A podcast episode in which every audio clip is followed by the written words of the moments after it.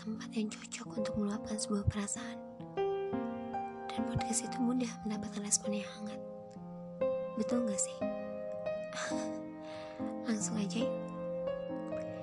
Di episode pertama, aku mau bahas jiwa dan pikiran yang kadang membuatku tersiksa. Eh, kalian pernah gak sih ngalamin jiwa yang ingin pergi, tapi pikiran yang selalu ingin bersama orang yang kalian cintai? Pastinya pernah dong di posisi itu. Iya, iya, tahu kok. Tapi terkadang, kalau aku di posisi itu, aku ingin menjerit dengan semuanya. Aku gak bisa tenang. Semuanya pasti kepikiran. Jiwa yang selalu ingin pergi, tapi hati berkata lain. Pasti tentunya kalian bertanya, apa alasan aku ingin pergi? Semua hal pasti ada alasannya.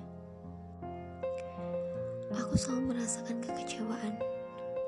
Ya, bila kita masuk dalam sebuah dunia percintaan, pastinya kita sudah siap untuk menerima kekecewaan. Dan itu wajar di suatu hubungan. Benar gak sih? Tapi sayangnya, aku terlalu kecewa dengan sikap dia tak pernah hangat. Hubungan yang terasa hambar, selalu merasa tidak ada yang spesial dalam hubungan. Dan itu membuatku tidak nyaman.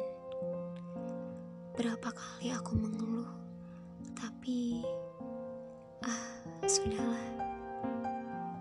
Tiga tahun lamanya kita bersama membuatku sulit untuk melepaskan.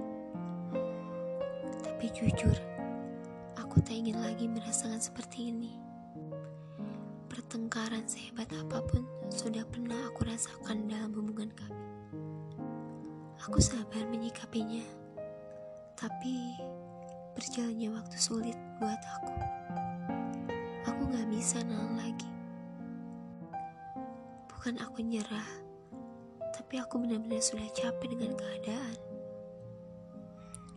Lalu kenapa pikiran selalu memaksaku untuk bertahan walaupun menyakitkan?